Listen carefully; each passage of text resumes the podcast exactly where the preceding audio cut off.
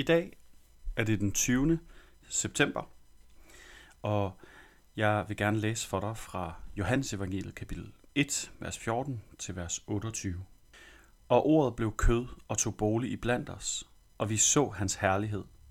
En herlighed, som den enborgne har den fra faderen, fuld af noget og sandhed.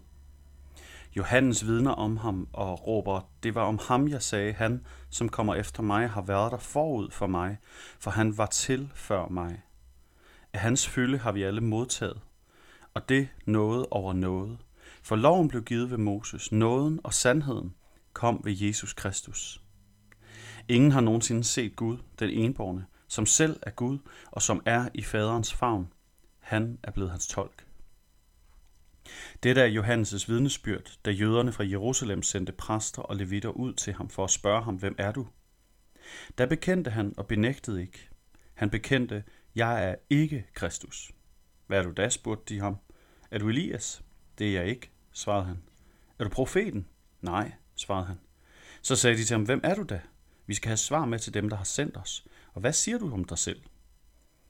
Han svarede, jeg er en, der råber i ørkenen jævn herrens vej som profeten Isaias har sagt. De var udsendt af farisæerne, og de spurgte ham, hvorfor døber du så, når du hverken er Kristus, eller Elias, eller profeten? Johannes svarede dem, jeg døber med vand. Midt i blandt jer står en, som I ikke kender, han som kommer efter mig, og hans skorem er jeg ikke værdig til at løse. Dette skete i Betania på den anden side af Jordan, hvor Johannes døbte. Der er meget, man kunne tage fat på i dagens afsnit noget af det, som er allersværest ved at øh, være troende. Det er for mig i den her tid, den her selvindsigt.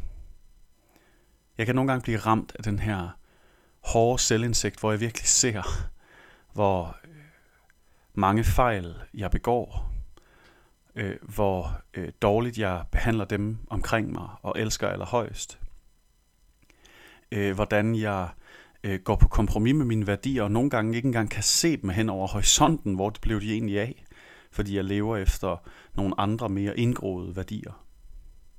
Det er det, som Bibelen kalder synd, eller mangel på herlighed, som vi også kunne tale om. I dagens afsnit, der øh, hører vi, hvordan ordet blev kød og tog bolig blandt os, og vi så hans herlighed. Der bliver jo snakket om Jesus her med et billede, at han er Guds ord, der kommer til os. Han er ham, der bliver sendt til os fra Guds mund. Det er jo egentlig et smukt billede, at han er et ord, der kommer til os. Et budskab.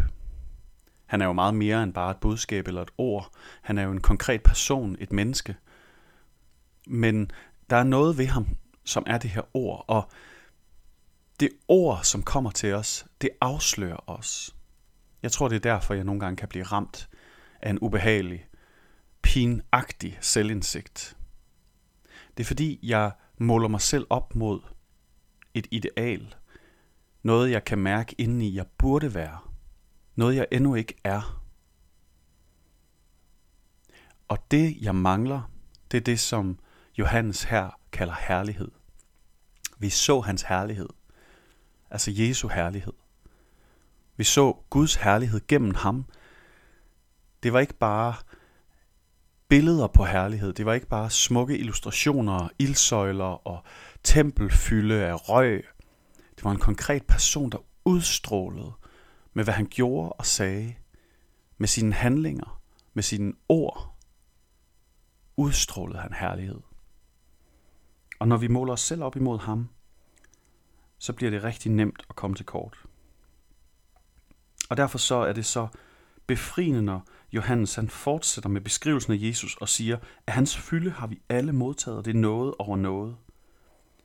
At nåden og sandheden kom ved Jesus Kristus. Det var ikke kun sandheden, sandheden om, at vi ikke er herlige, sandheden om, at vi begår fejl af syndere, som vi alle har fælles om, som ikke først og fremmest skal fylde os med skam eller øh, selvdestruerende skyldfølelse, men som skal fylde os med en følelse af forståelse, så er det derfor, jeg er sådan. Det er fordi, jeg mangler min herlighed.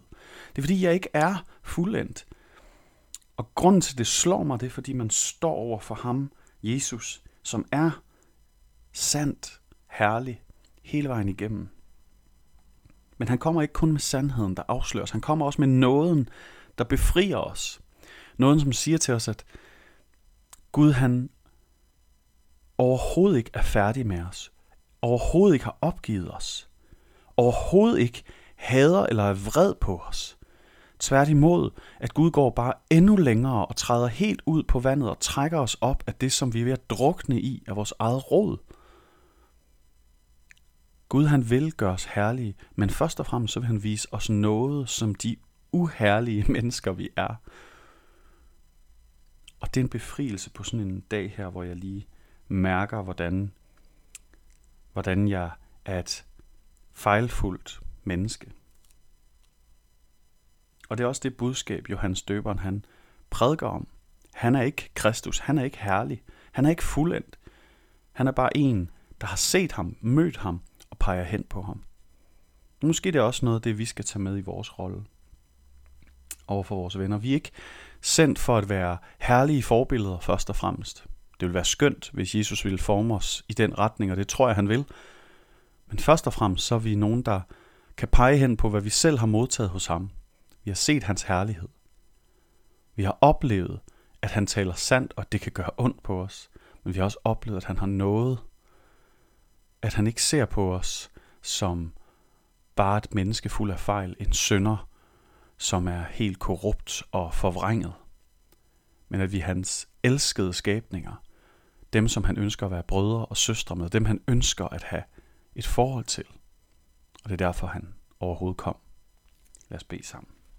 Gud, tak for det her budskab om, at du sendte dig selv, du sendte Jesus, for at vise os din herlighed. For at lade os blive ramt af, hvor uherlige vi selv er. Og for at give os håb om, at vi kan have et forhold til dig, baseret på noget og ikke på fortjeneste. Og at vi gennem det forhold forhåbentlig kan vandre og blive mere herlige. Amen. Giv han rigtig dejlig